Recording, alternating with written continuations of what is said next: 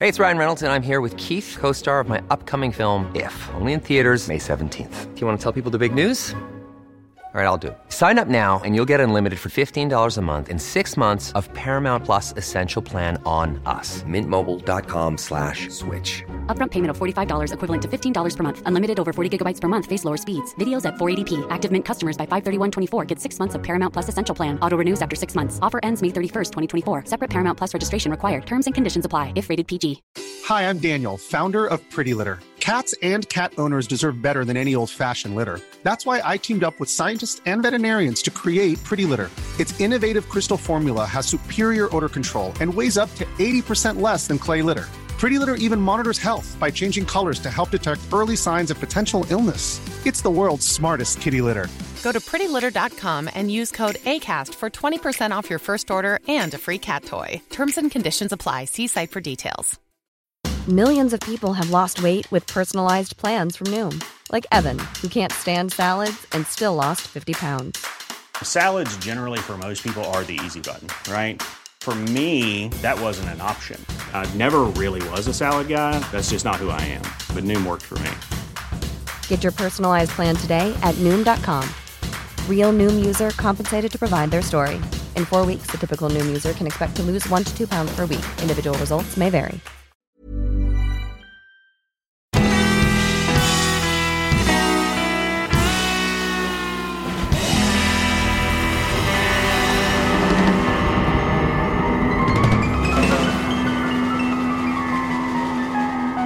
Hej allihopa och välkomna tillbaka till en ny säsong av Ståpäls Hallå! med mig Lukas och med Ida! Aida.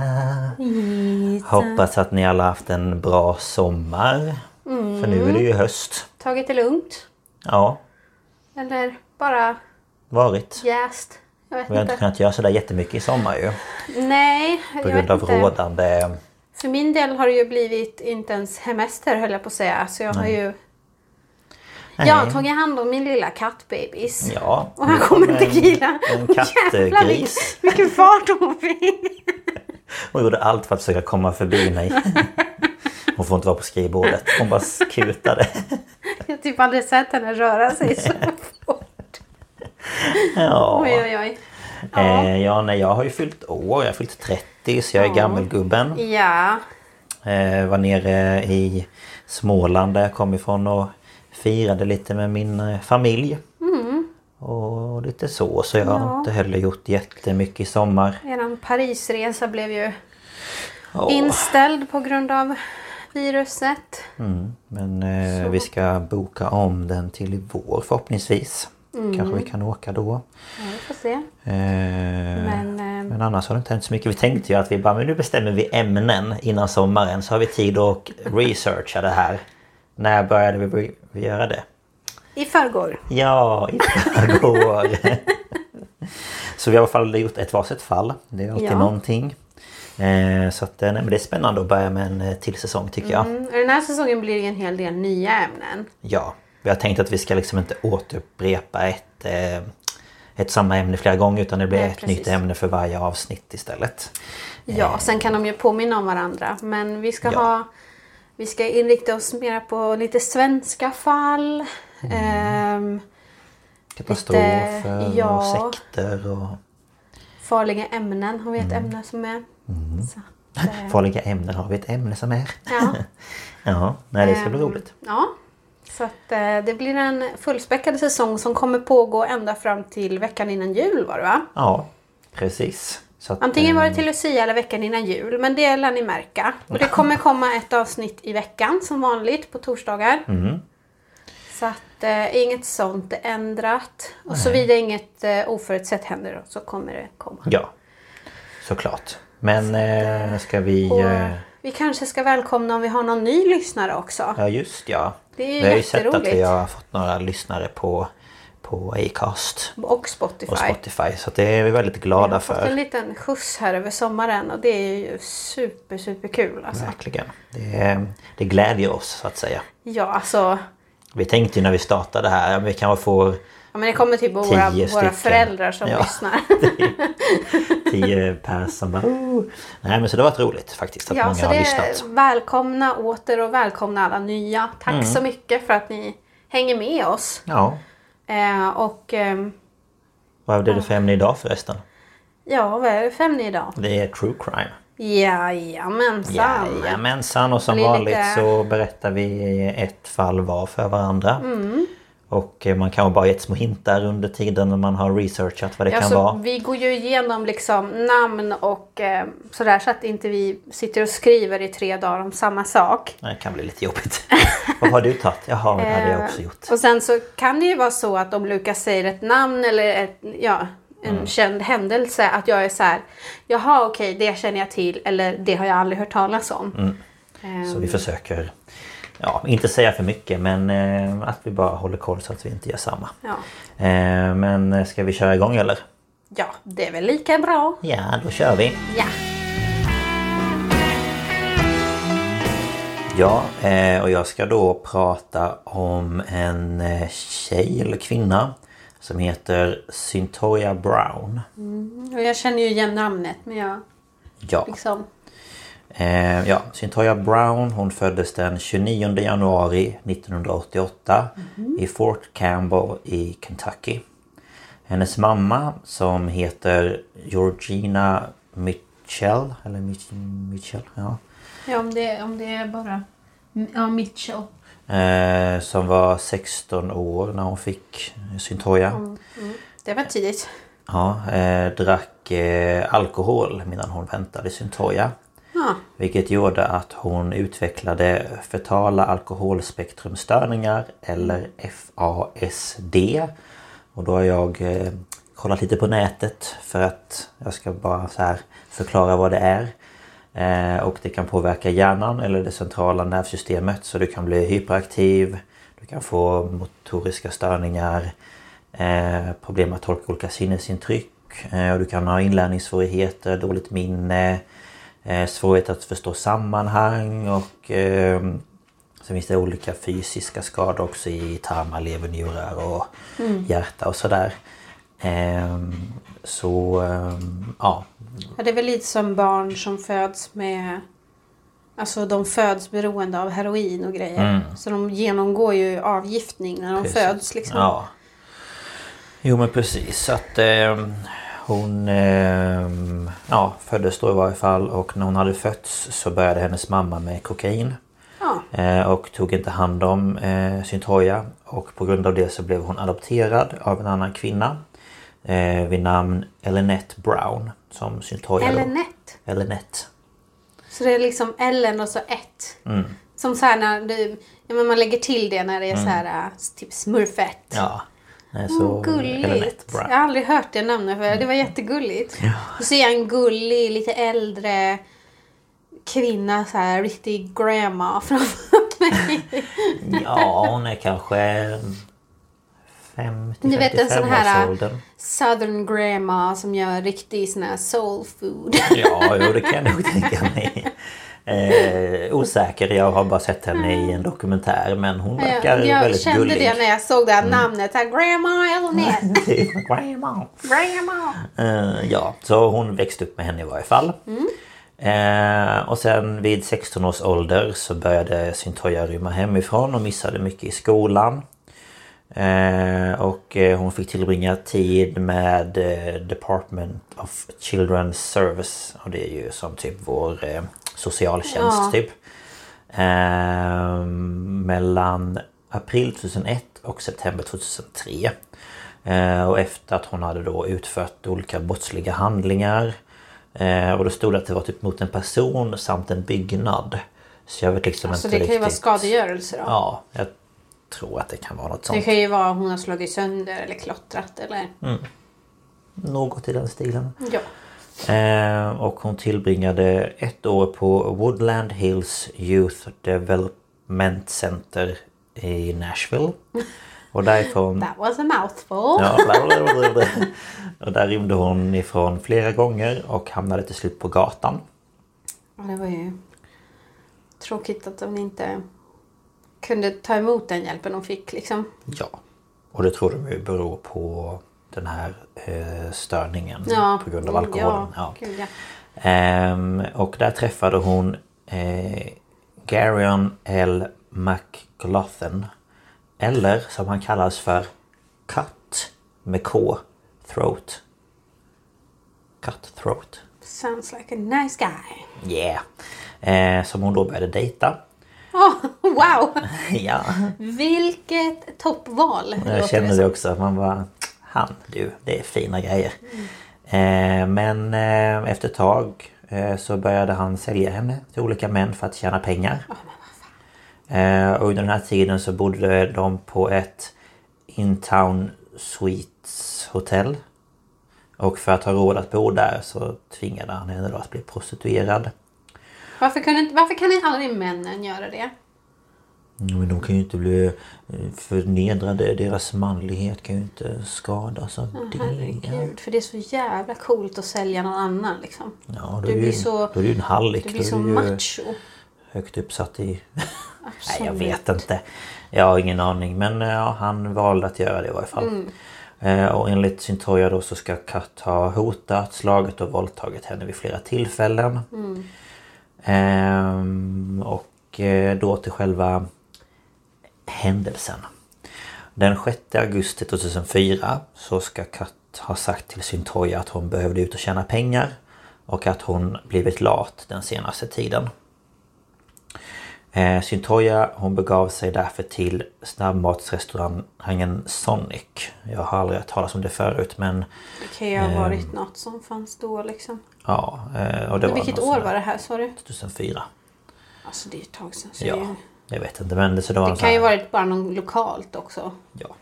Eh, någon drive-in eh, grej vid Murfreesboro Road i Nashville. Mm. Där stötte hon på Johnny Michael Allen som frågade om hon behövde skjuts. Eh, och vid tillfället så var han 43 år gammal och arbetade som mäklare. Han var även engagerad eh, som eh, pastor för unga. Han var en lärare i söndagsskola Eh, och han startade en grupp för hemlösa vid den lokala eh, baptistkyrkan. Ehm, och Allen ska då vid tillfället ha frågat Syntoja om hon var hungrig och om, om hon var upp, var upp, var up for any action. Vilket hon ska ha svarat ja på. Och han hade då erbjudit henne 150 dollar. Men Syntoja ville ha 200. Mhm. Ehm, för att då ha sex med honom. Alltså man, när du berättar om honom så tror man att han liksom ska så här. Vill du ha mat? Kom här, Mm. jag bjuder. Och sen bara, nej han ville ligga. Man bara, men för i helvete. Seriöst. Han var såklart han Jobbar ville. inom kyrkan och hjälper hemlösa. Och, Ja, ja. Nej, men det ville han inte utan han ville då ha sex med henne. Eh, men det säger Alans familj och vänner eh, efteråt då att det stämmer inte utan han eh, försökte då hjälpa henne. Ja, det kan man ju. Ja. Alltså de kanske har den bilden och absolut inte vill tro att han skulle Ja. köpa sex. Det tror jag med. med. Men ehm, Ehm, och i förhör så framkommer det dock att andra unga tjejer vid en annan lokal restaurang eh, känt sig obekväma när de ska ha serverat honom mat. Han ska även vid eh, flera tillfällen flörtat med dem. Ehm, så Allen han beställde i varje fall mat till de båda och sen så körde de iväg till hans hem. Och eh, Syntoja hade föreslagit att de skulle åka till ett hotell i närheten men det ville han inte. alltså det värsta, alltså, han tar med dem hem. Mhm. Alltså, ja. Eh, på väg dit då så pratade Allen om sig själv och att han tjänstgjort i armén och att han var skarp skytt. Han berättade även att många kvinnor var ute efter honom för att han hade mycket pengar. Men att han ville bli älskad av någon som liksom åtrå, av åtrå liksom. Ehm, Då kanske han skulle ta och bete sig som en normal människa också. ja, kanske kan hitta någon i sin ålder känner jag. Ja, och någon som, Som faktiskt vill- inte, Som vill... eh, som han inte köper. Ja men det menar någon i hans ålder som är intresserad av honom och han är intresserad av henne. Men antagligen var inte han intresserad av kvinnor i sin ålder för att de är gamla Ja. eller något. Ja. Eh, sen eh, framme vid huset så åt de maten och Syntoja började känna sig illa till bords eh, då Alan skröt om vilka vapen han hade hemma. Eh, hon eh, såg två gevär i huset och Alan eh, ska då ha visat henne en kromad pistol med svart kolv. Eh, hon fick känslan av att han var väldigt kontrollerande och att han påminde henne om Cut. Eh, hon började känna sig mer och mer nervös när, hon prat- när han pratade om sina vapen. Och sättet som han pratade gjorde henne nervös då alltså. Eh, hon kände sig osäker och började fundera kring vad eh, hon kunde göra om han bestämde sig för att göra något mot henne. Eh, eftersom ingen visste var hon var. Eh, så efter maten så frågade hon om det var okej att de tittade på TV en stund. Vilket Allen sa att det var okej liksom. Och anledningen till att hon ville titta på TV var för att hon skulle komma närmare eh, ytterdörren. För vardagsrummet låg i närheten av Okej, hallen liksom. Ehm, och efter en stund så sa hon till Ellen då att hon var trött och att hon ville sova och, och att hon inte hade sovit på ett tag. Ehm, så hon tänkte att de skulle lägga sig i sängen. Och eh, då ville hon att, att eh, hon då skulle vänta in att han somnade så att hon skulle kunna smyga därifrån. Eh, Men istället när de låg där så började han smeka henne. Och plötsligt så tog han tag i henne mellan benen väldigt hårt. Eh, Men hon låtsades sova hela tiden. Eh, Men efter att han då tog tag i henne sådär hårt så vände hon sig hastigt om. Och då så citat, han gav mig en sådan blick, den var så vass. Ehm, Efter det så fick hon panik och tänkte att han skulle slå henne. Eh, Men istället så rullar han runt och sträcker sig efter något. Eh, Och hon får då panik eh, och tar en pistol som hon har i sin väska. eh, Och skjuter honom. Oj. Ja. Så efter det så tar hon 172 dollar från hans plånbok, två vapen och så kör hon därifrån med hans bil. Sen lämnar hon bilen på en parkering eh, vid ett eh, Walmart och liftades sen därifrån tillbaka till hotellet. eh, Där polisen senare hittade både henne och eh, Kat. Ehm, och eh, Syntoja hon dömdes eh, för mord, grovt rån, vapeninnehav och eh, criminal impersonation. Alltså hon låtsades vara någon annan. Eh, och trots att hon bara var 16 år vid tillfället så prövades hon som vuxen i rätten. Eh, och beslutet eh, om den här domen då kom från domare Betty Adams Green vid Metro Juvenile Court den 14 november 2004. Och eh, hon menade då på att det var en för stor risk för samhället att behålla Syntoja inom Alltså, det gick ändå ungdomsrättssystemet. fort. Alltså från själva händelsen till hon fick en dom. Det brukar ju ta mycket längre tid. Ja, det stod att hon dömdes i varje fall. Men det kan ju vara att, de, att hon liksom... An, eller att hon anklagas för det. Och sen så får hon då eh, prövas i rätten som en vuxen istället för en, eh, en ungdom då. Okej. Ehm, men Syntoja hon ska då... ha- Eh, hon nekade aldrig till att hon hade skjutit Allen. Nej. Eh, Utan menade på att hon gjorde det i självförsvar. Eh, Och trots att eh, hon i rätten berättat att hon känt sig hotad av Allen samt att han tagit på henne när hon låtsas sova. Ehm, eh, vänta vad var det jag skulle... Nu hängde jag inte ens med vad jag själv läste. Ja, det är inte lätt. Ja, jag vet inte. Någonting skulle jag få fram. Eh, samt att hon då trodde att han skulle slå eller skjuta henne. Så menade rätten på att hon inte varit i någon fara. Och att hon mördat honom medan han låg och sov. Ja, Okej. Ja, man bara, ja. Och när polisen gick igenom brottsplatsen kunde de inte hitta något vapen i närheten av eh, hans sida av sängen. Baserat på sättet som Alens kropp hittades, liggandes på sidan med händerna under huvudet, trodde utredarna att han sovit när han blev skjuten. Vilket, ja det är väl inte så. Alltså, du kan ju sträcka dig över och hamna med händerna Ja, alltså, Alltså jag vet inte. Ehm, så den 14 augusti så tog Syntoja till Western Mental Health Institute för en utvärdering. Och enligt dokumenten som rätten har ska Syntoja attackerat och hotat en sköterska efter att hon inte tillåtit Syntoja ringa sin adoptivmamma. Alltså på det här institutet då. Eh, Sköterskan menar på att Syntoja ska ha hoppat över skrivbordet och tagit tag i hennes hår och ansikte samt slagit henne. Vilket resulterat i flera blåmärken och rivsår. Under attacken ska Syntoja ha sagt eh, I eh, shot, säger man väl? That man in the back of the head one time bitch. I'm gonna shoot you in the back of the head eh, three times. I love to hear your blood splatter on the wall. Okej. Japp. Eh, och tre andra intagna som satt på samma fängelse som Syntoja har även det berättat att hon sagt till dem att hon dödade Allen för att se hur det känns att döda någon. Hon ska även ha skrivit en lapp där det stod att allting hon sagt i rätten då är sant förutom delen där han ska ha sträckt sig efter en pistol och att hon kände sig nervös. Eh, Och en forensisk tekniker som undersökte lappen eh, menade, menade då på att den här lappen var skriven av Syntoja. Eh, Och ytterligare motbevis eh, för att Syntoja eh, då har gjort detta eh, är ett telefonsamtal med sin adoptivmamma där hon ska ha sagt I killed somebody, I executed him.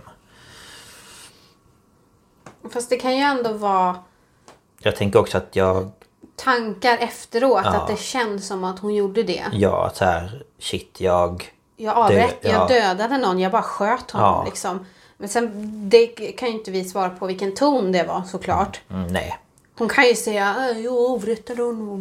Men jag tror att det är det de har tagit upp i den här dokumentären som jag ehm, har kollat på. Och då hör man när hon säger det och hon är liksom så här... Nästan liksom lite förvånad. Alltså så här att hon är så här, oj, jag dödade någon. Jo, det kan ju vara att det tog tid för henne att fatta Ja, det. ja, det är det jag också tänker. Så jag tror inte att det är liksom att hon menar som att... Ha, jag dödade någon. Jag bara... Men det, det känns ju inte riktigt som att hon hade planerat att döda honom för då hade hon ju gjort det mycket tidigare. Ja, jag tänker det också. Eh, Men i varje fall i rätten så menade dock Syntojas försvar att Allen hade en dark side och var inställd på att sexuellt utnyttja den då 16-åriga gamla Syntoja när han gick naken och la sig i sängen tillsammans med henne. Ja, Vilket alltså jag kan- man lägger sig ju inte naken Nej. men... 16-årig Alltså om han tjej. nu ville hjälpa henne då hade han ju låtit henne ligga där själv. Ja, då hade Då han, hade ju han så inte här, gått och lagt sig med henne. Nej men typ så här, eh, är det okej? Vill du ha något? Eh, Räcker det med ett Vill du att jag ska täcke eller- ligga bredvid dig eller vill du ligga själv eller Ja, eller eh, det är bara att säga till om det är något. Jag sitter i rummet intill eller ja, vill du ligga på soffan eller vill du ligga på sängen? Mm. Eh, Inte så att du bara, nej jag ska klä av mig naken och lägga mig bredvid en 16-årig tjej för att jag ska hjälpa henne. Ja, vad ska du hjälpa henne för? Eller va? Så jävla dumt. Ja, Ehm, verkligen. och eh, försvaret menar att Syntoja försvarade sig mot, mot att bli sexuellt utnyttjad när hon sköt honom. Mm. Och i rätten så var det ett vittne som berättade att hon dejtat Allen och vid ett tillfälle ska han ha bjudit hem henne och börjat kyssa henne. Hon ska då ha sagt att hon inte ville ha sex varpå han våldtagit henne. Mhm. Så eh, han verkar inte som den där good guy som hans familj Nej. vill få honom att framstå som. Nej, verkligen inte. Men det är klart att om han var involverad i kyrkan så försöker ju de försvara hans rykte. Oavsett om de, de kanske vet om allt han har Mm. gjort. Men Ja.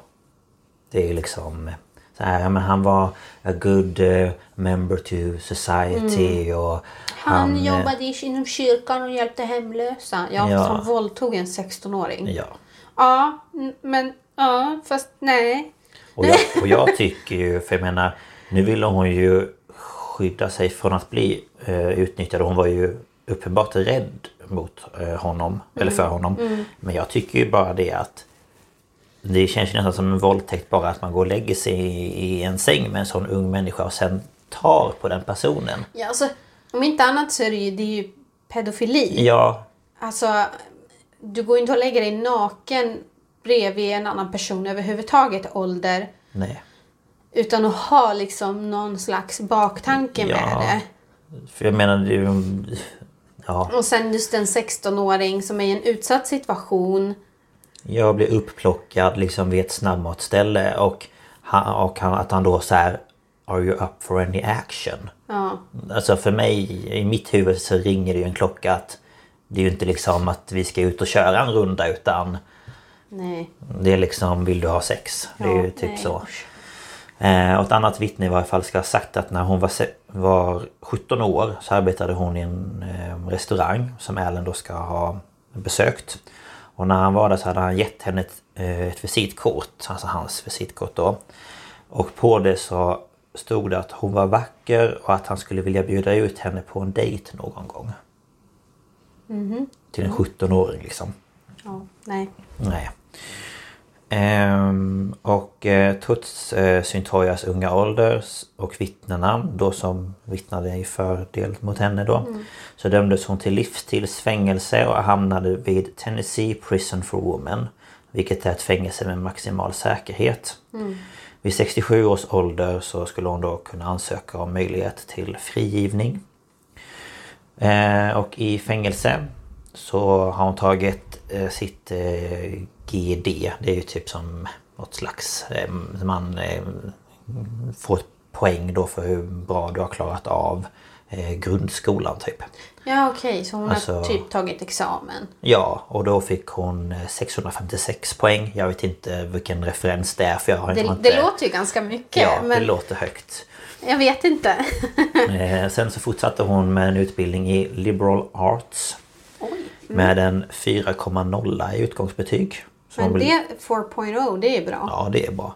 Som hon blev klar med i mars 2015 från Lipscomb University.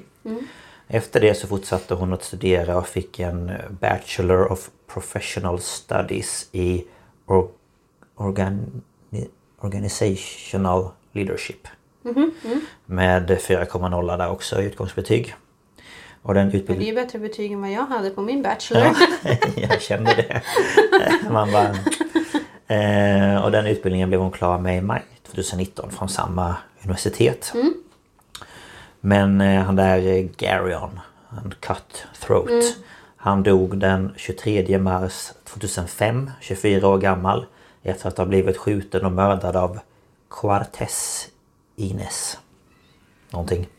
Historien om honom så kan han man... lät som att han skulle vara mycket äldre än 24 liksom. Ja, nej, han var... Då måste han ju varit 23 när det här mordet, när han sa till henne att du måste ut och tjäna pengar. Eh, Och historien om honom kan man se i en dokumentär som heter Me Facing Life, Syntoya Story som kom ut 2011.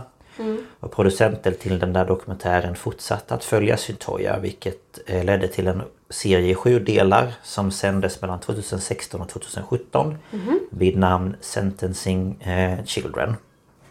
Material från den här serien eh, som tidigare inte visats blev originaldokumentären på Netflix som heter I självförsvar berättelsen om Syntoya Brown. Men det är nog där jag har sett namnet när jag har suttit och bläddrat Ja. dokumentärer. För jag kollar väldigt mycket på sånt där Och på den har Netflix. jag eh, sett och den är jättebra så det tipsar jag er om som lyssnar och du också. Eh, Jag tycker den är väldigt... eh, Ja men den är lite gripande också. Jag tycker den är väldigt fin. Och hemsk och ja, allt. Eh, och sen den 21 november 2017 så blev Syntoyas fall eh, viralt när många kändisar uppmärksammade fallet och var upprörda över hennes dom. Några av de här kändisarna var Rihanna, Kim Kardashian, T.Y, Snoop Dogg och LeBron James. Så, jag vet inte hur mycket jag bryr mig om Kim Kardashians åsikter. Men Nej, men... eh, Och det var ju för att de ansåg att domen var fel. Eh, den var lite väl hård kan jag tycka eftersom hon inte ens var myndig. Nej.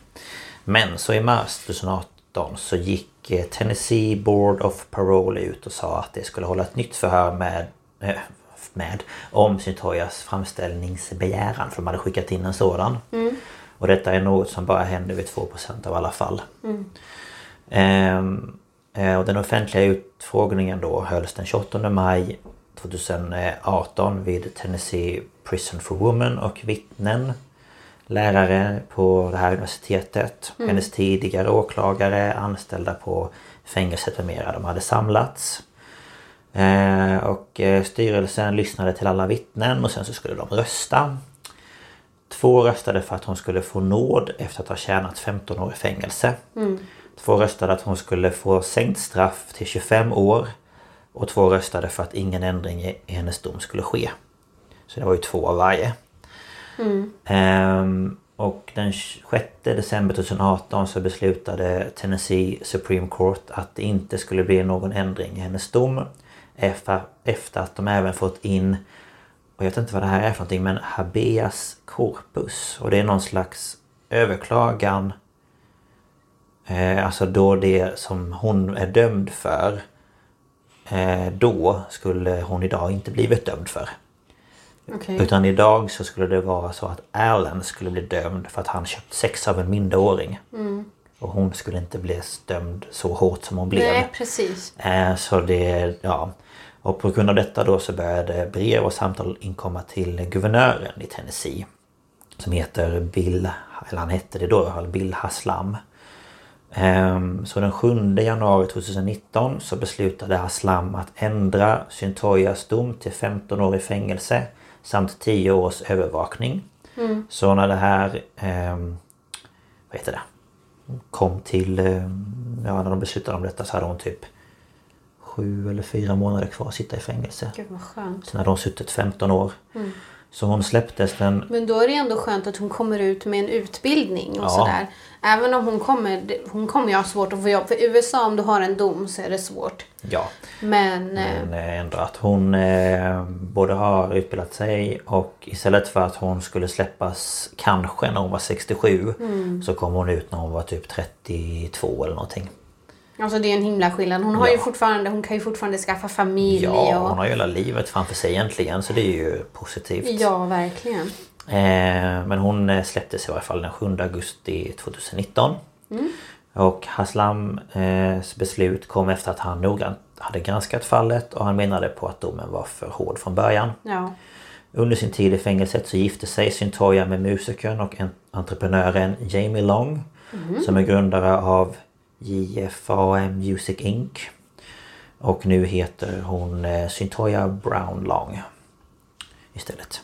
ja, men då kanske hon får hjälp av honom att klara den här villkorliga Ja, domen och att hon ja. ja, men kanske blir, får hjälp med försörjning och så vidare. Jo men precis men sen har hon ehm, eh, Efter att hon hade kommit, kommit ut ur fängelset nu så har hon ägnat sig åt föreläsningar och hon har hållit i olika grupper runt om i USA. Hon har pratat om sin tid som prostituerad och hur rättssystemet fungerar. Hon har släppt en memoar som heter Free Syntoya My Search for Redemption in the American Prison System som kom den 15 oktober 2019. Så hon har ju ändå Alltså hon var ju driftig i fängelse.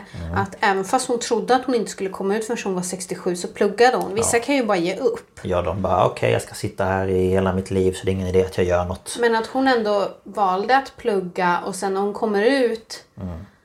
vänd, alltså att hon, Vänder på alltihopa. Ja. Det är Mm. Ja, jag tycker jättestarkt tycker jag. Ja, verkligen. Eh, och jag tror att mycket av det var liksom att hon förstod ju att hon hade gjort fel. Hon hade Ja. liksom dödat någon och det har hon ju på sitt samvete. Och hon erkände Men- ju det också. Ja. Hon försökte ju inte dölja det. Nej, men att hon liksom hela tiden sa att det var i, i självförsvar Mm. för jag trodde att han skulle döda mig. Jag var rädd att han skulle liksom göra mig illa. Mm. Eh, och jag menar som 16-åring hemma hos en okänd man som skryter om att han har vapen, att han har varit med i militären. Visar henne vapen. Jag visar henne vapen och liksom pratar på ett väldigt liksom Ja men eh, så här, eh, Lite jag hot- kan eh, hotfull. bäst. Ja, hotfullt Kolla vad sätt jag och- kan, kolla ja, vad jag har. Bara så vad att jag du har vet. varit eh, skarp skytt. Bara så att du vet så Ja. kan jag använda de här vapnen när Och jag vill. alla kvinnor är efter mig för jag har så mycket pengar. Och Ja. Jag menar det, det är ju liksom inte ett sätt som en 16-åring känner sig trygg Där kan i. vi ju snacka grandios självbild. Ja, gud, ja. Om han hade levt hade han säkert fått den diagnosen. Absolut. Eller den liksom utvärderingen. Mm. Eh, ja och sen sist men inte minst så eh, startade hon och hennes man en organisation som heter The Foundation for Justice, Freedom and Mercy. Mhm. Och som då ska hjälpa andra som är i riskzonen för att hamna inom rättsväsendet. Åh, bra. Så det har de också Hon verkar, fixat. verkar, verkar ju verkligen ha hittat någon som Ja, stöttar ja. henne och liksom hjälper henne. Verkligen. Så att det finns jättemycket så här typ eh, ja, men intervjuer och sånt. Typ så här vad som har hänt idag och så här efter, eller så här life after Men det, är- det prison. är ju och- fantastiskt att se sådana som faktiskt kan vända och Mm. komma tillbaka och leva ett Ja. ett normalt liv. Nu kanske inte alltså, normalt, Nej, men, alltså, ja, hon, men ändå ett- hon kommer ifrån den här äh, kriminella banan och vänder det till Mm.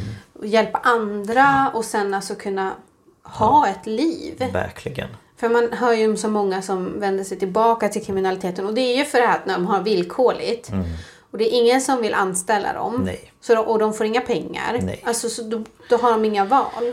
Nej, inte speciellt liksom i länder där rättssystemet funkar på ett sånt sätt. Jag menar i Sverige, jag är inte helt insatt i hur det funkar efter. Men det tar ju ett tag kanske för att alltså, skaffa Du- belägg och du, du, har ju och så. alltid, du har ju alltid försörjningsstöd Ja, och men det har man ju inte i USA på det sättet. Nej, du kan ju få såna här food stamps. Ja, sant. Men det är ju Men, ändå eh, mm. så här, du ska ändå ha någonstans att bo och du ska ändå liksom kunna liksom få ett stabilt liv och då får du inget jobb för du kan inte få ett jobb för att För det är ingen som vill Dömd anställa och- dig för ja. att du har varit dömd för mord. Och... Så det blir ju väldigt många motgångar. Men eh, hon har verkligen klarat sig bra verkar det som än så länge.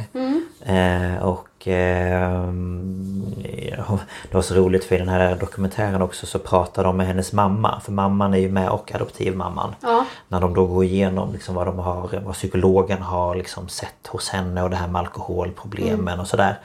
Ehm, och då säger ju hennes mamma att Hela det, den familjen är liksom, alla har någon psykisk grej. Mm. Hennes eh, bror, eller vad det var, typ sköt sig med ett hagelgevär och eh, någon Ja, hade sånt- försökt sånt hänga si- sig. kan ju hänga och, med liksom. Ja, och då hennes mormor var så här att jag fick min dotter och efter det skulle det inte gå längre än så för att det bara fortsätter. Mm. Det bara går i arv, efter, en efter en efter en. Så hon är ju glad för sitt barnbarn men hon önskade inte att hon hade fött något barn, alltså hennes dotter för att Hon kanske Mm. visste att det Eh, hon inte visste att det skulle gå, bra. Mm. åt skogen för att hennes... Det är ju mamma var liksom- jättetragiskt Ja. att man känner så. Alltså hon säger det i dokumentären att jag önskar att det inte hade blivit mig utan det hade skulle varit stopp liksom Mm. efter mitt barn. Och det, ja. Alltså man förstår ju det. ja. Men eh, nej, så det var, det var hon. Det, det var, var det. intressant tycker jag. Bra Ja. Mm. skrivet. Ja men tackar tackar. Det är alltid så här spännande och nervöst när man har gjort första. Man Ja. bara, Man lägger ju en hel del tid på de här också. Så. man gör ju det. Ja, Ja, mm. tack. tack. Nu kör vi dit. Ja. Ja, då ska vi ta mitt lilla fall här då. Och Du har ju hört namnet. Jag har ju visat ett foto på den här Mhm. Ja. personen också. För jag ska ju prata om Bazuzu Ila Algarad. Eller Algarad som de Mhm. säger. Algarad. Ehm, det är en härlig snubbe. Mm. Eller var en härlig snubbe. Eh, han föddes 12 augusti 1978 i San Francisco som John Alexander Lawson. Och eh, hans föräldrar Cynthia Lawson och Timothy J Lawson gifte sig eh, 71, så eh, några år innan han föddes. Och eh, när han var liten så flyttade de till, och jag vet inte riktigt hur man uttalar det här, om det är Forsyth eller Forsyth, jag vet inte. Ingen aning. County i North Carolina. North Carolina. Men eh, det här äktenskapet höll inte. Nej. Så de gifte sig 80, så när han var två. Och Cynthia valde att bo kvar i Mm. North Carolina med John medan eh, Timothy flyttade till- tillbaka till Kalifornien. Okej. Och då bodde de i Clemens. Och jag tror att det också är i Forsyth County. Mm, Okej. Forsyth. Jag försökte höra, jag kollade på en dokumentär, jag försökte höra hur de uttalar det. Men, det är ju de ehm, bara... Ja men alltså alla uttalar det lite olika. Ja, ingen vet egentligen hur det ska uttalas. Nej. Nej, det var lite svårt. Eh, men eh, 1998 så gifte sig då mamma Cynthia med en annan man och de flyttade till ett hus på 2749 Nob Hill Drive i Winston-Salem, North Carolina. Uh, Salem. Eh, Winston-Salem. Jaha, jag bara Salem. Och säger North Carolina och Ja, inte, inte riktigt samma. inte Nej. Massachusetts. Eh, och det är ju på den här adressen som allt händer. Shit's about to go down. Ja, så den här adressen är liksom starkt associerad med det här. Okej. Ehm, efter den här skilsmässan och den här nya eh, mansfiguren, höll jag på att säga, fadersfiguren. Den här mansfiguren. Ja, men han eh, spårade i alla fall, alltså den här um, eh, mannen då, Som eh, mamman träffade. och som hon gifte sig Ja. med. Han berättar i ett telefonsamtal bara he hated my guts. Mhm. Det var liksom det han hade att säga. Sen ville inte han prata mer om det här. Så att, eh, ja, nej, det gick inte så bra. Nej. Så han spårade totalt ur. Okej. Och eh, han hoppade av Forsyth. Forsyth, jag kommer inte kunna säga det alltså. Du får säga F. Sagt. Ja. Eller någonting. Mm. Han hoppade i alla fall av high school där. Och då bytte han namn från John Lawson till Pazuzu Ila Algarad. Och han blev en välkänd satanist och langare. Mm. Det var mycket, mycket svamp och mycket gräs. Det låter som en bra kombo. Satanist och langare. Ja. Ehm. Det ska jag ha på mitt CV. Och han valde då de här namnen av en anledning för att Pazuzu är namnet på kungen av demoner i mesopotamisk mytologi. Det är alltså den äldsta kulturen. Ehm, alltså, men, alltså som vi känner till.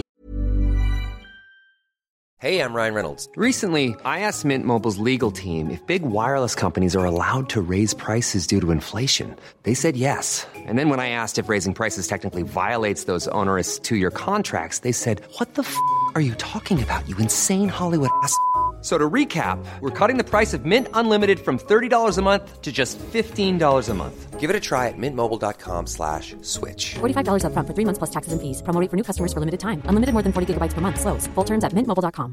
Ever catch yourself eating the same flavorless dinner three days in a row? Dreaming of something better? Well, HelloFresh is your guilt-free dream come true, baby. It's me, Gigi Palmer.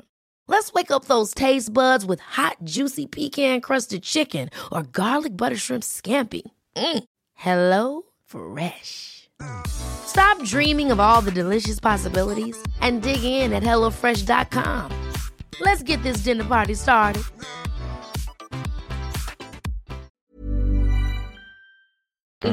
Det är liksom från deras mytologi så är det här The King of Demons. Ehm, och... Um, ursäkta mig. Du är inte ursäktad. Nej, jag skojar. Eh, Pazuzu dyker upp lite överallt i populärkultur. Men främst då, som de flesta känner till, så är det ju den demonen som besätter flickan i Exorcisten. Det är Pazuzu. Ehm, och ehm, Illa är liksom vardagligt för Gud på ehm, arabiska, antar jag. Ja, det måste det väl Eh, vara. Det är som alla, fast lite mer Är det inom muslim? vardagligt. Alltså Det är islamiskt. islam? Och sen Algarad är väl bara något som han Ja. hittade på. Ehm, och eh, under det här nya aliaset och sin nya identitet så påstod han att han hade irakiskt ursprung. Mhm. Och att han hade en satanistmamma. Så han var irakier med satanistmamma. Ja, okej. ja. Mm. Ja. Eh, Och under en kort period så försökte han bli irakisk muslim på Facebook. Mm. Okej. Men han utövade, han utövade varken irakisk kultur eller Islam. islam. Nej. Så han ville mest ha den etiketten Ja, bara. ja okej. Eh, Så när inte det gick som han ville så sa han istället att han, att han var en kombination av Charles Manson, som de flesta Mm. Ja. känner till, Jag bara ja. Alistair Crowley, som jag inte riktigt vet vem det är. Och Anton LaVey. Och han är alltså grundaren av Church of Satan. Ehm, så han tyckte att han var en kombo av de här. Ehm, för att han då ville vara lite så här tuff och skrämmas. Men det var inte riktigt det som skrämde honom. Utan eh, det som skrämde honom var att han hade då delat sin tunga på mitten. Så han hade så här ormtunga. Och sen så hade han enligt rykten hög på metamfetamin filat ner sina tänder med en gravermaskin eh, till s- alltså huggtänder. Nej men gud. Så han hade ju alla tänder hade han filat ner till spetsar liksom. Men det måste ju göra ont. Ja, men han var ju hög. Ja, han kanske inte kände det i och för Nej, sig.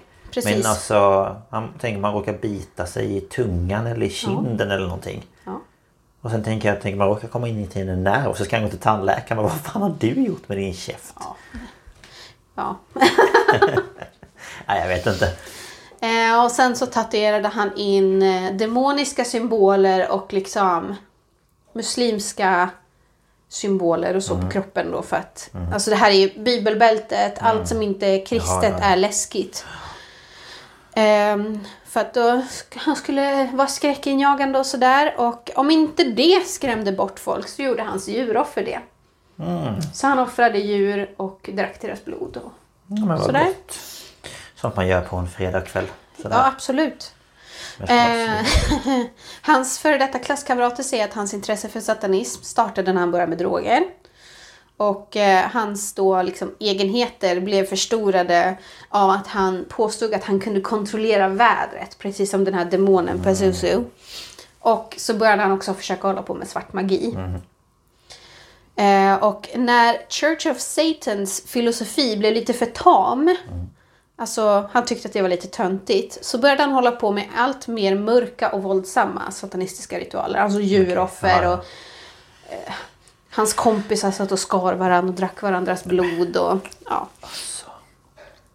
Börja med det. Och, eh, jag har kollat på en dokumentär som heter The Devil You Know. Och där så är det en kille som heter, han heter Dave Adams, men han heter Crazy Dave med K. Okej. Crazy Dave Adams, han var en nära kompis till Pazuzu. Han berättar att de brukar liksom hänga, ta heroin, skära varandra, dricka, dricka blod från fåglar. Having a good time, you know. Man bara, va? Va?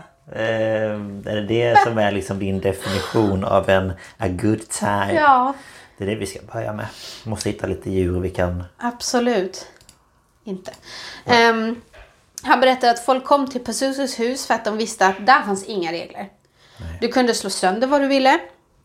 Folk kissade på möbler och på mattor. De kastade knivar i väggarna. De slog ner varandra. Eh, och när man knackade på, liksom skulle komma dit, så blev man först välkomnad av en massa hundar som skällde. Och så när dörren öppnades så slogs man liksom av en vägg av ammoniak, urin och ruttnande bajs och... ehm, Jag tror Alltså inte han... Eller ja, i sig, han kan ju inte bli vräkt kom jag på. Men kan Nej. det inte komma sådana här, du vet som när man har sett de här hoarders, de här programmen och typ så här, du måste du städa upp annars kommer du inte kunna få bo kvar här. ja, nej. Åh, gud vad äckligt.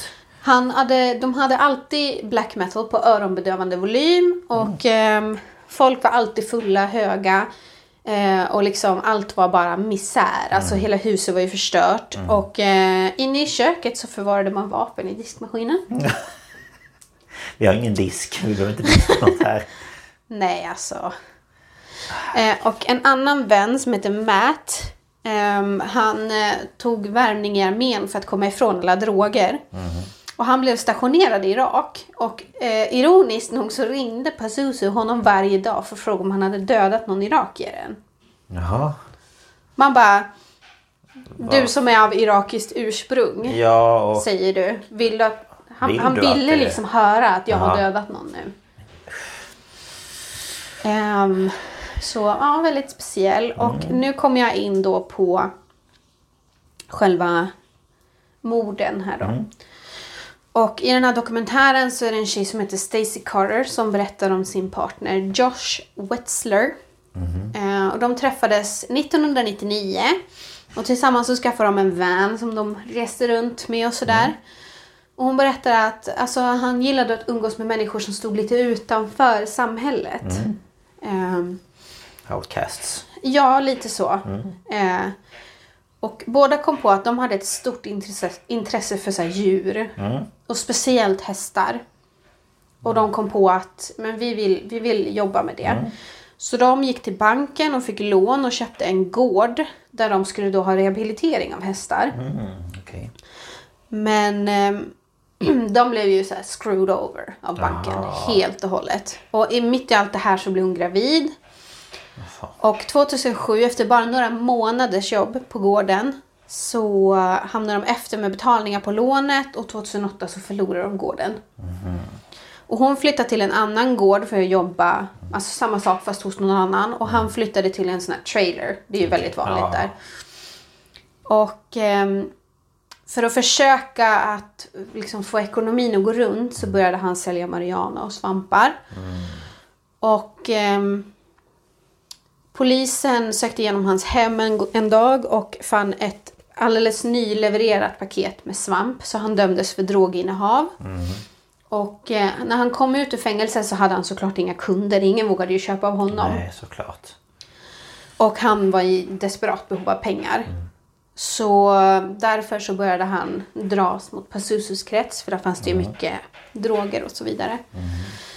Och sista gången Stacy eh, Stacy såg Josh var i juli 2009 och då hälsade han på för att umgås med sonen. Ja, de fick barnet. Ja, en son. Och eh, när man, de hade jätte, jättemysigt och de hade liksom en sån här helg där de tog dit vänner och de grillade och han gjorde sina berömda pizzor och du vet sådär. Mysigt. Och efter det så försvann han bara. Okej. De hörde ingenting. Alltså, hon var så här, hon trodde ju typ att han inte ringde för att han hade polisen efter sig. Och då ville hon liksom inte anmäla honom försvunnen för att han skulle hamna i ännu mer trubbel. Såklart. Eh, men så ringde han inte när hans mamma fyllde år. Han ringde inte på mors dag och då var de så här, någonting är fel. Eh, Ja. Så, ehm, men alltså de tänkte ju att ja, men han håller sig väl undan av någon anledning. Men så ringde hans övervakare, för han var ju på så här villkorlig dom. Eh, och frågade så här, vet du vad han är?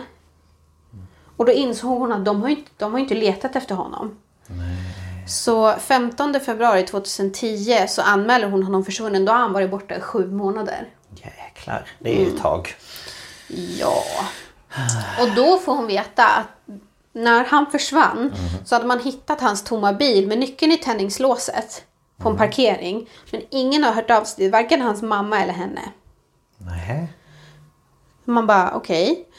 Eh, Och eh, 24 september 2009, två månader efter att han försvann, så fick polisen tips från en anonym källa. Och enligt det här tipset har en man i Clemens vid namn Tesusu skjutit och begravt en man i sin trädgård. Och eh, man gjorde ingen genomsökning av hans hem eller trädgård. Nej. För att de, alltså Tesusu, Pazuzu, Ja. man fattar ju. Ja. Och enligt en eh, man som heter Chad Nance som jobbar som redaktör på Camel City Dispatch, det är Mm. alltså en tidning, så fick polisen in många liknande tips. Mm. Men de gjorde ingenting. Men Vågar de inte åka dit kanske då? Eller jag vet inte. Jag vet inte. Nej, inte heller. Och eh, den här Pazuzu, han omgav sig av vad han kallade för fästmöer. Okej. Och de hette Gypsy, Crystal och jag tror att det var Crystal som kallades för Bubbles också. Amber och Dixie. Mhm. Låter Och- som eh, Powerpuff Bingo. Lite så. Mörka versionen. Bibbidibbidibbidu. Ehm, och en av de här, Crystal, tog med sin vän Sylvia LeBeau eh, till huset för att dricka och sådär. Eh, och jag vill bara säga den här, Sylvia var en prästdotter. ah. Mm. Jag tänker lite så här, vill man ens gå in i det där huset om man inte känner honom? Alltså hon litar ju på sina kompisar. Jag tänker mest på att det luktar kiss och bajs och fan hans moster. Alltså fick man gratis droger och grejer så... sant. Det var ju på... Nej, det var inte på 70-talet, det var på 90-talet eller? Eh, det här är 2000-talet. Ja, det här är 2000-talet. Jag tänkte om det var lite så här hippie. Han Nej, nej, nej, föddes nej, ju nej. 78, 79 så det... Eh, men hon i alla fall kommer dit och när hon träffar honom eh, så har han en blodig bandana på sig. Hon tänkte typ att han hade gjort någonting själv. Men hon fick sen veta att det var Josh bandana. Ah. Eh, och hon fick höra att Josh hade blivit instängd i källaren och han hade, eh, de hade svält honom och sen hade de skjutit honom. Och när han sedan var död ska de ha skurit av armar, ben och penis innan de begravde honom i bitar. Och Crystal skröt om att hon hade varit med om att döda Josh. Alltså... Och den här eh, Crazy Dave. Han hörde också historier om att Pazuzu skulle ha dödat hemlösa och att han hade någon i källaren. Och så hade Pazuzu kommit fram till honom och sagt att "Ja, jag har en snubbe i källaren och om, om någon kommer upp därifrån låt dem inte gå. Nej. Och han bara Ja, ja, visst. Du var dum i huvudet. Typ. Han trodde ju inte på det. Nej. Eh, och sen så tog Pazuzu fram ett... Eh, han sa att det var en stor kniv eller ett litet svärd. Ja, lite skillnad känner jag. Eh, och höll det mot Dave och sa du ska hjälpa mig att gräva ett hål annars så dödar jag dig. Ja, nice guy. Ja. Eh, och ehm, en granne till, till Pazuzu, alltså typ huset bredvid eller något hus, Mm. jag vet inte riktigt. Hon eh, hörde av sig till polisen för att hennes pappa var typ förälskad i en av de här fästmöerna. Vi, vi struntar i åldersskillnaden, Mm. Ja, ja. vi bara Ja. Blunda för det. Ehm, så han bjöd över Crystal och Pazuzu till deras hus och så här festa. Och efter en del alkohol så började Pazuzu skryta om att han hade skjutit en man sex gånger med ett hagelgevär och hur han hade kroppen i källaren täckt med kattsand och blekmedel för att dölja lukten. Det är sånt man skryter om när man är på fest. Ja, men ingen trodde ju, alltså de trodde ju att han sa sånt där för att skrämmas. Ah, ja såklart. Ehm, och dagen efter den här festen så åkte Terinas pappa iväg till Pazuzus hus. Och när han kom tillbaka så hade han ingen tröja på sig. Nej. Och han var så här täckt med jordrester. Ehm, han hade då Pazuzus mamma Cynthia med sig. Men hon var så här hysterisk och ville bara tillbaka till huset. Så de åkte tillbaka. Och då följde Terina efter. Och när pappan såg henne på gatan utanför Pazuzus hus så sprang han dit och bara åk. Stanna inte här. Nej. Åk. Ja. Alltså så här panikslaget. Ja. Ehm, och hon åkte och sen så öppnade han sig för hennes kompis och berättade att Pazuzu hade dödat en man, styckat kroppen. Och när då den här kompisen berättade för Turina så gick hon till polisen. Eh, och hon fick då träffa en polis och hon berättade liksom det hon visste. Så hon eh, namngav då Crystal eh, och så sin pappa Alan och Pazuzu. Eller Grottmannen som hon kallade honom. för Hon visste inte vad han hette då. Nej. Så hon sa Grottmannen. ja, men det är väl ändå en bra liknelse. Och enligt då liksom hörsägen så åkte polisen dit och ringde på dörren och den här Pazuzu öppnade och då frågar de honom, de berättar så här, vi har fått en anmälan om det här och det här. Eh, har du gjort något olagligt? Nej, svarar han. Mhm. Okej, eh, får vi komma in och titta? Och han bara, nej. De bara, okej, och så åkte de. Nej. Åh!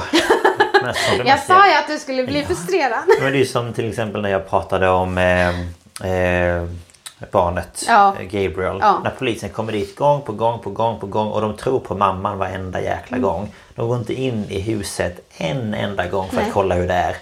Man bara, men hur svårt kan det vara Alltså, bara så här. men alltså du känner väl lukten, du ser väl hur människan ser ut, så bara, har du gjort något olagligt? Du Nej. Ah. ser väl för fan hur hemmet ser ut, hur gården ser ut. Du måste ju bara komma in till den jävla... Men de, polisen måste ju veta vad det var som pågick där. Ja. De kan ju inte vara blinda, det är ju inte ett jättestort community liksom.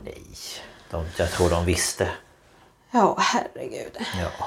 Ehm, när den här ehm, eh, soldaten Matt kommer tillbaka från Irak i november 2009 så möter eh, en av de här tjejerna Dixie honom på flygplatsen och ska hämta honom. Liksom. Och hon berättar allt. Alltså att Amber ringde henne och bad henne komma och möter henne i dörren och säger att de har mördat en kille och hjälper inte du oss att begrava honom så begraver vi dig med honom. Eh, och hon berättar att de släpar ut en kropp i trädgården, gräver ett hål och så knuffar de i kroppen och sen säger de att det är för grunt. För typ så här knäna sticker upp. Så då, eh, alltså, det är så, alltså hon blir så här. Ni kan inte på riktigt inte ens gräva ett djupt hål Hål nog. nog. Så knäna sticker ut. Så då gick de och hämtade en pressändning som de la över där. Och så tog de ett foto på det här. Eh, och han gick ju direkt till polisen och berättade Ja, ja. allt han visste. Men så blir det så här. De be- för folk berättar och så liksom, Det hände inget. nej. Och eh, en, dag, en kväll så var den här Silvia, prästdottern då. Hon var på fest med en kollega där de drack alkohol och åt svampar. Eh, Och vid tretiden på natten så skulle den här kollegan köra hem henne. Och i bilen så bara, ja, men hon typ såhär, Åh, förresten har du hört om att den här Pazuzu har dödat någon som heter Josh? Och den här kollegan hon bara, alltså all färg i ansiktet försvann och bara, sa du Josh? Hon bara, ja. Du måste prata med min kompis Stacy. För då kände ju hon Stacy. Ah, Eh, och tillsammans kom de på en plan där Sylvia skulle åka tillbaka till Pazuzus hus och försöka alltså, spela in med sin mobil där han erkänner vad han har gjort. Så hon åker ju dit då med mobilen i högsta hugg och eh, försöker få någon att liksom prata om det. Och eh, en kille där säger liksom men det är klart att han har dödat någon.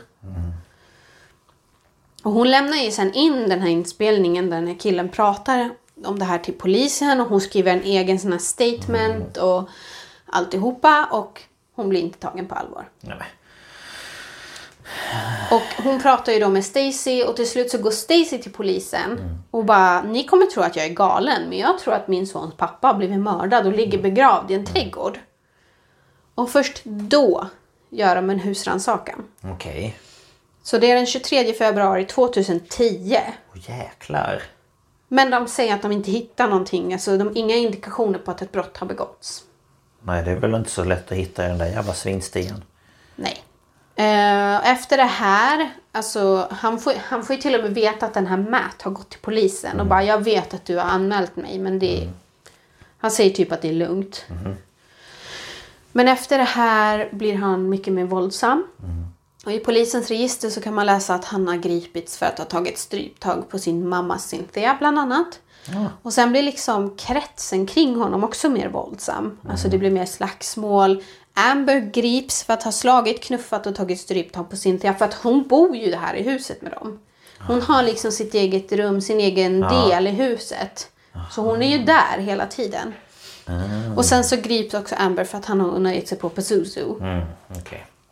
Och eh, i oktober 2010 så grips Pezuzu och en annan man för att de har anklagats då för att ha skjutit en blind 30-åring vid namn Joseph Chandler.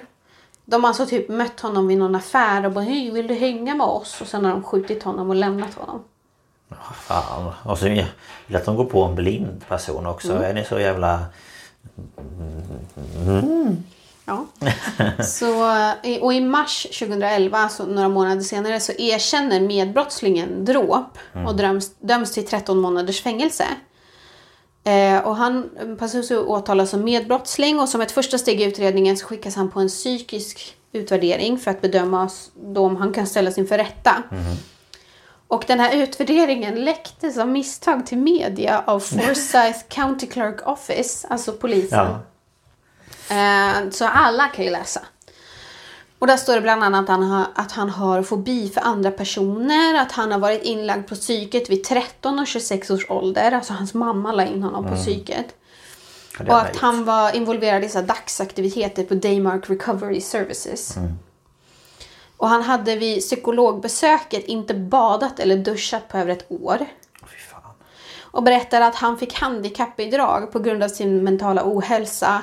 Att han hade paranoia, mani, agorafobi, depression, ångest med mera. Herregud. Ja. Och han berättar för den här psykologen att han och hans fru Amber, för de påstår att de är gifta nu, har hittat på en egen religion där de måste utföra djuroffer och om han inte kan utföra ett offer under the dark moon, jag försökte ju kolla upp vad det Ja, var och jag just det. fattade inte riktigt. Då fick han sån ångest så han försökte ta sitt liv. Och han har enligt den här utredningen diagnoserna panikångest med agorafobi, alkoholberoende och schizotypisk personlighetsstörning. Med mera. Med mera. Men han släpps fri för man anser då att han har liksom suttit i häktet så länge så det räknas som ett straff typ. Nej, men. Så han får liksom inget riktigt straff. Ehm, och ehm, en kväll så är Matt hos Pazuzu. Mhm. Och det är en annan snubbe där som de, han är någon ny bekantskap. Han säger någonting som Pazuzu blir irriterad över. Så han tar med sig Matt in i köket och bara Jag tycker du ska döda den här snubben. Mhm. Ja, vi, vi bara dödar honom, vi skjuter honom. Vi bara har ihjäl honom. Och, han, och den här Matt, han är ju så skön. Mhm. Fast så han tittar ju på Pazuzu så tar han hans ansikte och bara dunkar i, i köksbänken och bara är du dum i huvudet eller? Ja, ja. Så gick han ut till den här snubben och bara bara så du vet så vill Pazuzu att jag ska döda dig. Så jag tycker jag följer med dig, vi åker och käkar någonstans Ja, ja. och sen så Drar du härifrån Ja, liksom? han har, har inte sett honom sen dess heller. Nej. Okej, vad bra. Och då blev han ännu mer förbannad så han gick Mm. till polisen igen. Mm-hmm. Och inte förrän han bara, nej men jag är före detta soldat. Mm. Då bara, jaha, nej men gud, ja men då ska vi lyssna på vad du har att säga. Men alltså... Att det ska behöva krävas sådana där saker för att någon ska ta någon på allvar. Jag tycker det är Så sjukt bara. Eh, Och den 5 oktober 2014, mer än fyra år eh, efter den första husrannsakan, så gör polisen en andra husrannsakan av Pazuzus hem. Och man hittade då inte bara en kropp i trädgården, utan två. Eh, Och polisen så här, chockades av hur huset såg ut, hur det luktade och de förstår inte hur någon överhuvudtaget kunde bo där. Nej. Eh, så polisen hade liksom såna här hazmat suit, alltså Ah. heltäckande dräkter med så här syrgasmasker och grejer. För att kunna uh, liksom Ja, gå, gå runt igenom där, huset. ja. Och brandkåren kom dit och krossade rutorna för att det skulle komma in luft. Alltså fy fan. Att bo där. Ja, alltså det är Jag menar alltså, fruktansvärt. jag förstår inte. Hade han någon, ens någon fungerande typ toalett? Och liksom... Alltså folk bajsade ju typ på mattorna i hörnet och kissade lite överallt. Och... alltså, så går du och så sätter du dig i det och så... Ja, kommer det och på så hade dina han ju kläder. typ sex hundar som gick runt och kissade och bajsade. Och... Och s- alltså djururin luktar ju alltid jättemycket. Alltså jag tror inte att knarkarurin luktar så Nej, himla det är gott sant. heller om man ska vara ärlig. Jag har aldrig luktat på det som du är. Nej. Eh, men man grep då Pazuzu och Amber för mord Mm. och Crystal för medhjälp till mord. Och de här kropparna man hittat identifierades som Tommy Welsh och Joshua Wetzler. Mhm, Så det var Joshua, men Mm. vem är Tommy då?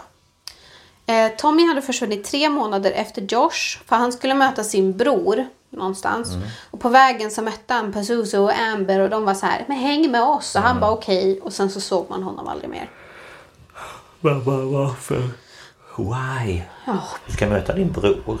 Var det det jag skulle göra? Ja. Och så åker du med någon... Eh, eh, någon gott människa. Ja, alltså han hade ju så här snuskiga dreads och de här ansiktstatueringarna. Och liksom, du har ju sett ett foto, han Mm. Ja, ja. ser ju verkligen... Men han ser ju helt bakom flötet. Ja, det är inte... Ja. Eh, Och enligt då Stacy, Josh partner, får Mm. ju tillgång till obduktionsrapporten och sitter och läser den. Och hon läser att han dog av skott mot huvudet. Det var liksom så här Okej. dödsorsak. Ja. Eh, Och man kan då se att han har fått tre skott mot huvudet och fyra eller fem skott mot överkroppen. Så det var det han dog av. Okej. Och under våren ehm, 2015, så ja, men typ ett halvår efter allt det här, så eh, började det spridas rykten om att Pazuzu i fängelse försökte ta sitt eget liv genom att bita sig själv i armen. Så han flyttas då under en så här safekeeping order för att han då ska kunna övervakas. Ja, ja. Och 7 april samma år så tar banken tillbaka huset från Pazuzus mamma för att de får inte in sina betalningar. Och inom några veckor så rivs huset till grunden och Okej. marken säljs till en granne så det finns ingenting kvar. Nej. Då hade man velat åka och kolla på annars. Åh gud. Och klockan 03.00 28 oktober 2015 så hittas Pazuzu död i sin cell på Central Prison i Riley. Och den här um, safekeeping order gjorde att polisen då enligt en domare inte kunde svara på några, de fick inte svara på några frågor överhuvudtaget. Nej. Så att allting blev väldigt så här ah, Tystat. Ja. Och eh, enligt obduktionsrapporten så hade Pazuzu avlidit av ett sår på armen som, ska han, som, sa- som han ska ha åsamkat sig själv med någon typ av verktyg. Eh, men man, men alltså grejen var att han var ju i en sån här typ isoleringscell. Kan det inte vara hans vassa tänder? Mm. Jo, men det är ju det man tror. Ja. Men polisen vill ju inte erkänna det. Och i den här obduktionsrapporten så bara, ja, han hade skadade tänder. Ja, han hade, ja, Oh, shit. han hade ju filat ner dem. Och em, man nämnde ingenting om att han hade så här delad tunga. Du vet, man Nej, skulle nej. skriva allting. Ja, ja. Men det var liksom saker som de hade bara lämnat utanför. Mm. Och enligt andra interner så hade han ju vid flera tillfällen försökt bita sig i armen för Mm. att ta sitt eget liv. Vill han ta eh, koll på den här stora pulsådern eller? Kroppsbesvårad, ja. Ehm, och ehm, man riktade ju stor kritik mot då kriminalvården för att man inte hållit mer uppsikt över honom. Mm. Och han, är- att han inte fick den, han, han var ju psykiskt Han sjuk. behövde ju att han, få inte, hjälp. ja, att han inte fick den vården han behövde. Men efter hans död då, så riktas ju all uppmärksamhet mot Crystal och Amber. Ja, såklart. Eh, Och de ställs inför rätta för sin del i morden på Josh och Tommy. Och 9 mars 2017, alltså efter två år efter han dog, eller ja, Pesuso dog, så går Amber med på en sån här plea deal. Okej, ja. Eh, och erkänner sig skyldig till att ha skjutit Tommy med ett 22-kalibers semiautomatiskt gevär. Mhm. Samt att hon har hjälpt till att begrava Joshs kropp. Mhm. Och hon döms till max 39 års fängelse. Och då räknar de in den tiden hon redan har suttit i det där straffet. Så det är inte 39 år från det, utan de räknar in Okej, den tiden hon ja, ja. redan har suttit. Hur länge hade hon suttit in? Det är ju två år. Ja, två år. Mm. måste det ju vara. Ja, precis. 2015. Ehm, och Crystal döms till fyra år och tio månaders fängelse. Också då med den här tiden som hon redan har suttit inräknad. Och ehm, efter hennes dom så reser sig en First Amendment Attorney. Jag vet inte riktigt. Jag försökte googla vad det innebär men jag vet inte. First Amendment Attorney. Jag vet inte. Eh, Hon reser sig i alla fall upp och kräver att de ska släppa husrannsakans-rapporterna, protokollen. Och eftersom allt är liksom avslutat så anser domaren att "Nej, men det är inga problem. Nej. Ehm, och det här släpps ju till media och allting och i det här så ser man massa brister. Okej. Och bland annat så var det att de skulle få hjälp om, med att gräva i trädgården. Mm.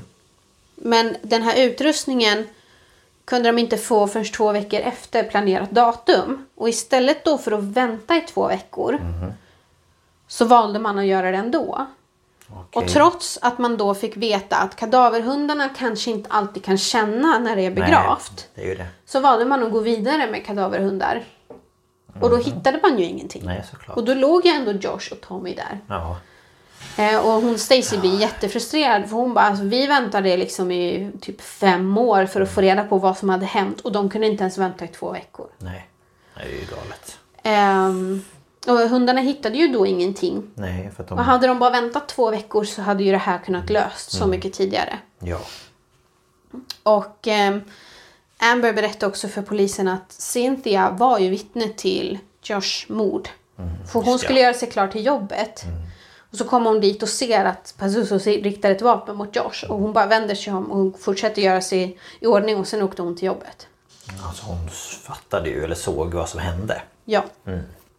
Och hon har även berättat, eh, Cynthia berättar för polisen att hon såg Amber skjuta Tommy men ingenting hände. Och den här Stacy hon åker ju till Cynthia för hon vill ju liksom, hon försöker ju få reda på vad det är som hände med min sons pappa. Ja, ja. För att eh, sonen fick ju först för sig att pappan bara hade lämnat honom. Ja. Och eh, alltså Cynthia hon, är, hon lever i sån förnekelse för hon är så här Well my son he wasn't a bad person och nej, men han hade ju bara problem. Han, visst han var ingen ängel men han var inte en hemsk person. Och man bara nej vad definierar du som en hemsk person? Ja, och jag menar visst, nu, för- alltså det fanns ju liksom eh, diagnoser Mm. som såklart eh, gjorde att det blev eh, värre. Men alltså hon Men- har ju levt, hon har ju sett vad han har gjort. Han har betett sig illa mot henne. Ja. Och hon säger fortfarande att Det är det jag menar, men i grund och botten så... eh, Alltså diagnoser... eh, Alltså det är ju inte det som styr över vem du sen väljer att vara. nej utan, alltså du kan ju inte rida på det hur länge som helst. Utan det är så här, Det okej, finns ju du- fortfarande gränser. Ja, och sen finns det ju hjälp att få. Ja. Och han skulle ju inte fått... Jag tycker ju inte han skulle fått bo själv i ett hus med den här eh, Amber eller vad det Fast var. mamman bodde ju där. Mamma bodde också där. Hon var ju hans förmyndare. Ah, då är jag med. Ja, men vad fan. Hon hade ju liksom sin egen Ja, just del det, i hon som hade huset. sin egna del ja. Men jag tänker att hon måste ju ha sett vad som pågick. Ja, men hon, enligt henne då så... Hon bara så här stängde ute allt. Ja, det måste hon ju fortfarande göra då om hon Ja, det gör hon ju. avser att Och sin hon har ju son liksom är- foton på honom med de här tatueringarna och allting. Och bara, här är min fina son. Typ. Ja, men jag tror hon måste ju också vara lite... Ja, men jag tror att hon är ju fruktansvärt ärrad. Ja, det måste ju vara både ärrad Och hon lever ju sen vet ensam jag nu inte. Mm. för den här mannen hon gifte sig med efter Pazuzus pappa. De bor ju separat nu. Okej. Han vill ju, inte, vill ju inte medverka i den här dokumentären Nej, mer just än att det, han ja. Mm. sa det där He hated my guts. Så, och den här Stacy hon kämpar ju för att under hela den här tiden som Josh var borta så fick ju inte hon ekonomiskt stöd Nej. till sin son. Nej. Så nu håller de på och kämpar för att han ska få pengar i efterskott. För... Mm. Ja, ja, för att allt som gick förlorat liksom. Ja, För- alltså från för att pappa. hade Josh levt så hade ju han varit med och Mm. bidragit till hans ja, men, liv. Ja, precis. Varit med och betalat eh, till skola och till aktiviteter och så vidare. De har ju levt jättefattigt. Ja, det förstår jag. Eh, Så hon kämpar ju för att han ska få Ja, sin det del. är inte så roligt. Och hon berättade också att när, när sonen fick veta att pappan var död Mm. så sa hon jag såg att han blev ledsen men han blev ändå lättad. Ja, För då betyder det inte att pappa hade lämnat honom. nej. Såklart. Att det ju var liksom- lättare för honom att ta att han hade blivit dödad än att han hade lämnat honom. Och det är kan ju man jättehemskt. Ja, samtidigt kan man ju förstå det på sätt och vis. Att för då Ja. vet man ju att han, eh, han liksom lämnade inte oss för att han själv ville. Nej. Utan eh, det var en annan sak som gjorde att Ja. det blev som det blev. Eh, Och mamman väldigt till den trist. här, um, um, vad var han, 31, den här um, legally blind guy, um, Joseph Chandler, hennes, eller hans mamma um, intervjuas ju också och hon hon- de påstår ju att det var en olyckshändelse, att det inte var meningen att skjuta honom. Men det tror ju inte hon ett dugg på. Nej, jag tror inte jag heller på faktiskt. Ehm, och hon berättar ju att han hade ju tagit droger tidigare. Mm. Så det fanns kanske den anledningen att de kände igen varandra. Men att han hade liksom vänt på sitt liv. Han gick en kockutbildning Mm. och allt sånt här. Och bara allt togs ifrån honom. Och hon är ju också väldigt bitter. Det var liksom hennes enda barn. Och, Och det förstår man ju. Jag menar det är ändå ett, ett, ett liv som gått förlorat liksom. Eh. Och det är, ju, det är ju många som har svårt att gå vidare eftersom Pazuzu aldrig fick ett straff utan han Nej. tog sitt liv. Ja. ja, det är ju liksom... Eh, det var ju den lätta vägen ut så att säga. Ja, uppenbarligen så är han- var han ju en fegis. Ja. Annars hade han ju förstått sitt straff och Ja. förstått sina konsekvenserna av Ja. sitt handlande. Och det kan han ju inte ha gjort tänker jag. Och det, jag vet inte hur de, här- de här eh, diagnoserna yttrar sig men det var väl var det psyk, eh, Ja, han hade ju- personlighetsschizofren. Va, vad var det nu det hette? Schizotypisk personlighetsstörning. Ja. Och så hade han ju då panikångest, agorafobi och så var han ju beroende av alkohol och droger Mm. och mycket det här med paranoia och Mm. sånt där. Ja, och paranoida personer vet man ju att de kan ju få för sig allt möjligt. Mm. Så att hälften är ju inte ens sant. Ja, nej, precis. Så, um, ja. Så slutade det. Jag sa att det skulle Ja. sluta lite snopet Ja. och det gjorde det ju. Ja. Men det var väldigt intressant. Jag har Mm. inte hört om det tidigare. Nej, alltså jag har hört namnet och så har jag sett hans bild. Mm. Och sen så snubblade jag över den här äh, dokumentären Mm. på Youtube. Som de för övrigt kunde ha kortat till typ två avsnitt istället för fem. Ja, jo, du Men, sa eh, det. Att det var mycket att titta igenom. Så om du ska titta så räcker det kanske att du kollar på avsnitt 1 till 3. Okej. Sen är det bara massa runt om. Ja, ja. Personer som egentligen inte hade med det här att göra. Man får följa dem. Man bara, va? va?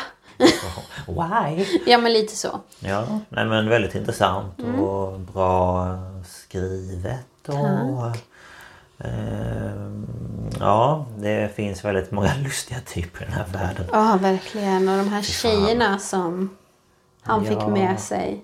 Till- Men det är ju lite Lite så här en minivariant av Manson egentligen. För han fick ju också med sig tjejer som gjorde saker åt honom. Men han kan man ju ändå kanske tänka då att han, de tyckte han var stilig. Ja, Men den här människan, vad såg de i honom liksom? Jag vet inte. Känns som att han var lite så här eh, 90-tals... Eh, lite, vad heter det?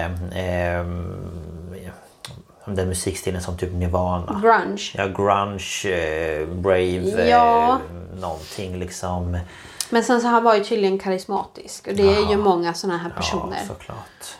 Ehm, så. Och sen var det väl det, det var gratis droger och gratis alkohol. Det lockar nog ganska många Ja, tyvärr. liksom är det inom, inom de kretsarna så är det väl fantastiskt. Det Ja. tackar man väl inte nej till då. Nej men precis. Så, ehm, Så ja, nej, men, tragiskt alltihopa. Synd att han inte Mm. fick sitt straff men i alla fall så fick ju de här andra två sina straff. ja, Det var väl bara det. Nej, men det var väldigt bra. Tycker jag. Tack så mycket. Mm, så det var dem. Ja, det var veckans avsnitt. Ja, första för säsongen. Ja, skönt att vara igång igen tycker jag. Ja, det tycker jag. Mhm. Eh, Ska vi avslöja redan nu vad nästa veckas eh, tema blir? Eller ämne? Ja, vad tycker du?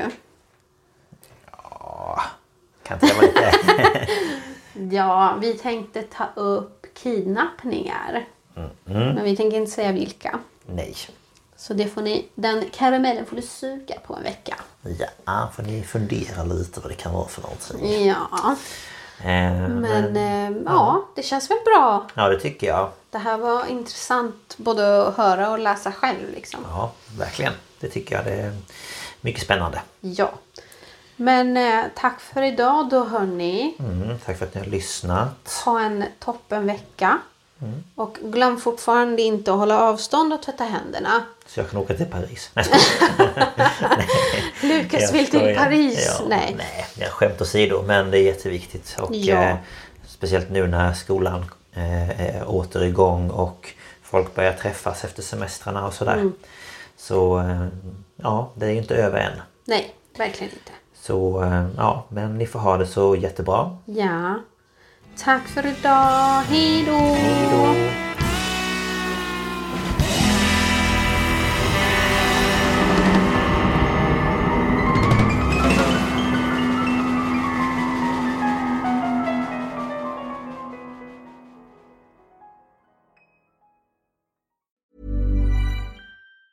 Hey, folks, I'm Mark Marin from the WTF Podcast, and this episode is brought to you by Kleenex Ultra Soft Tissues, your ally to help tackle your allergy symptoms this season. I love the change of seasons, but nobody loves pollen and all those other things floating in the air that make you sneeze during this nice weather. Kleenex Ultra Soft Tissues are hypoallergenic and allergist approved, so fight back against watery eyes and runny noses without worrying about irritating your skin. For this allergy season, grab Kleenex and face allergies head on.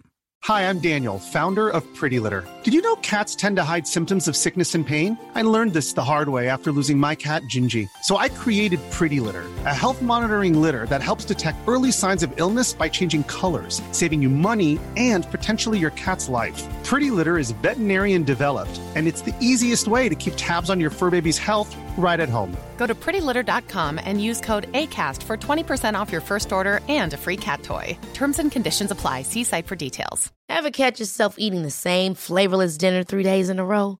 Dreaming of something better? Well, HelloFresh is your guilt free dream come true, baby. It's me, Gigi Palmer. Let's wake up those taste buds with hot, juicy pecan crusted chicken or garlic butter shrimp scampi. Mm. Hello Fresh. Stop dreaming of all the delicious possibilities and dig in at HelloFresh.com. Let's get this dinner party started.